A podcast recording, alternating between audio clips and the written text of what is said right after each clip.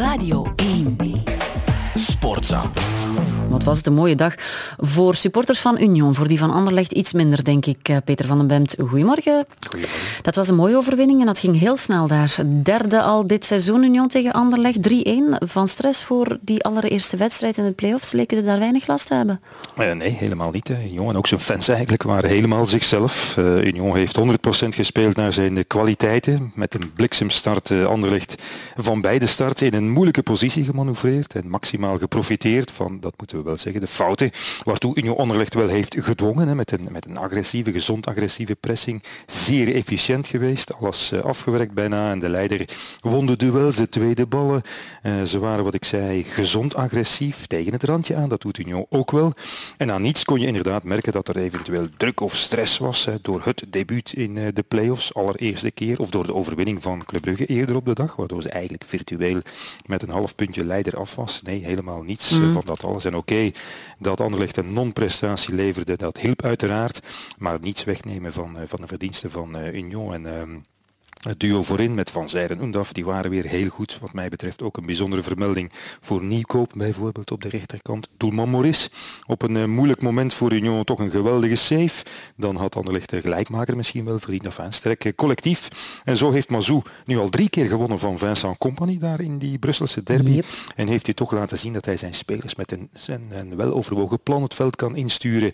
En dat hij die spelers ook tegelijkertijd perfect zen en toch messcherp aan de aftrap kan, uh, kan brengen. En eigenlijk is uh, de tweede beloning van het seizoen nu al een feit. Ze waren al verzekerd van Europees voetbal. Het zal toch al heel raar moeten lopen als ze al niet verzekerd zijn. Minimum van de voorronde van de Champions League. En dat is dus uh, plaats 2. Ongelooflijk hè. Maar Koeken, die liet na heel lang nog een keer van zich horen op de sociale media. Hoe op één week een gans seizoen om zeep te helpen. Dat konden we lezen. Dat is hard, maar juist van de eigenaar van ja, Anderlecht. Ja, het is misschien verstuurd in de ontgoocheling van het moment. Maar het is de harde realiteit. Zo simpel is het.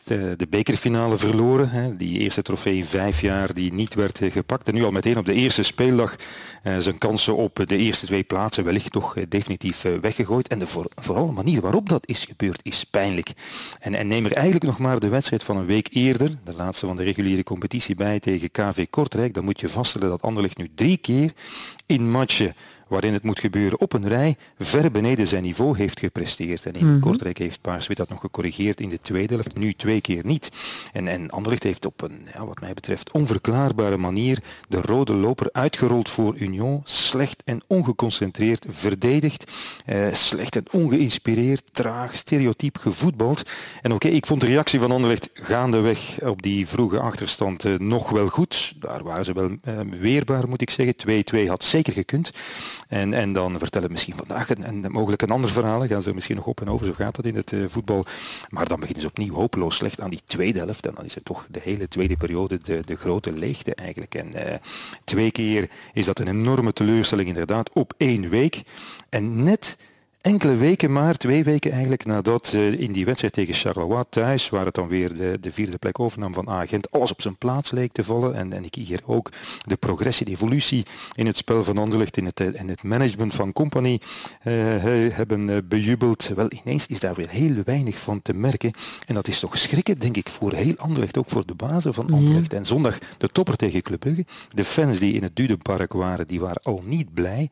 Een nieuwe afgang thuis tegen de grote rivaal, ja, dat gaan ze nog moeilijk verteren, denk ik. En ik lees overal, Anderlecht heeft in play-off 1 wel geteld één van de voorbije twintig wedstrijden gewonnen, nu al tien op een rij, denk ik, niet meer kunnen winnen. Ja, dat zijn toch onthutsende cijfers voor een instituut als Anderlecht. Mm, Club Brugge blijft wel in het spoor van Union met een zuinige 1-0 overwinning tegen Antwerpen.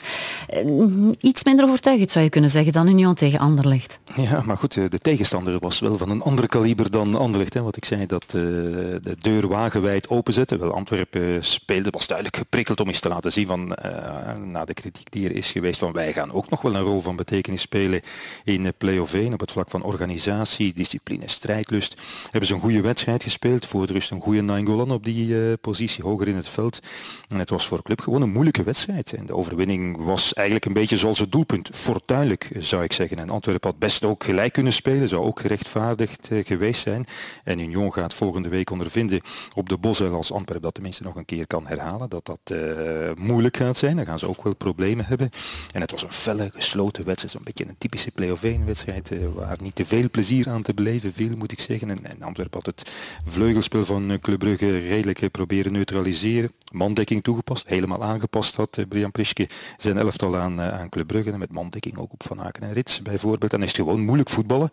En tegelijkertijd kan Club zich wel verheugen over een paar individuele, individuele sorry, prestaties van Noah Lang bijvoorbeeld. Dat zal toch belangrijk zijn. De beste Noah Lang nog een keer om de play-offs naar zich toe te trekken. Matta ook defensief altijd een, zekerheid. Dus ik zou zeggen, het was een goede overwinning voor Club Brugge, zoals Hans van Aken zei. Zonder veel franje, maar zoals het nodig is in die allereerste wedstrijd in, in play-off 1, waardoor je toch Antwerp eigenlijk van je afschudt en in de flow blijft van al die overwinning al in de, in de reguliere competitie. En kijk, na één speel, dan kunnen we eigenlijk toch zeggen dat de Champions Playoffs in twee zijn verdeeld en dat de eerste twee Union Brugge gaan strijden voor de, de titel en Antwerp en Anderlecht voor plaats 3. Maar goed, het verleden het heeft ons geleerd dat we altijd moeten oppassen met uh, conclusies midden de playoffs. Dus we gaan zien volgende week. We spreken met drie woorden. Dankjewel, Peter van den Bent. Sportza. Sportza.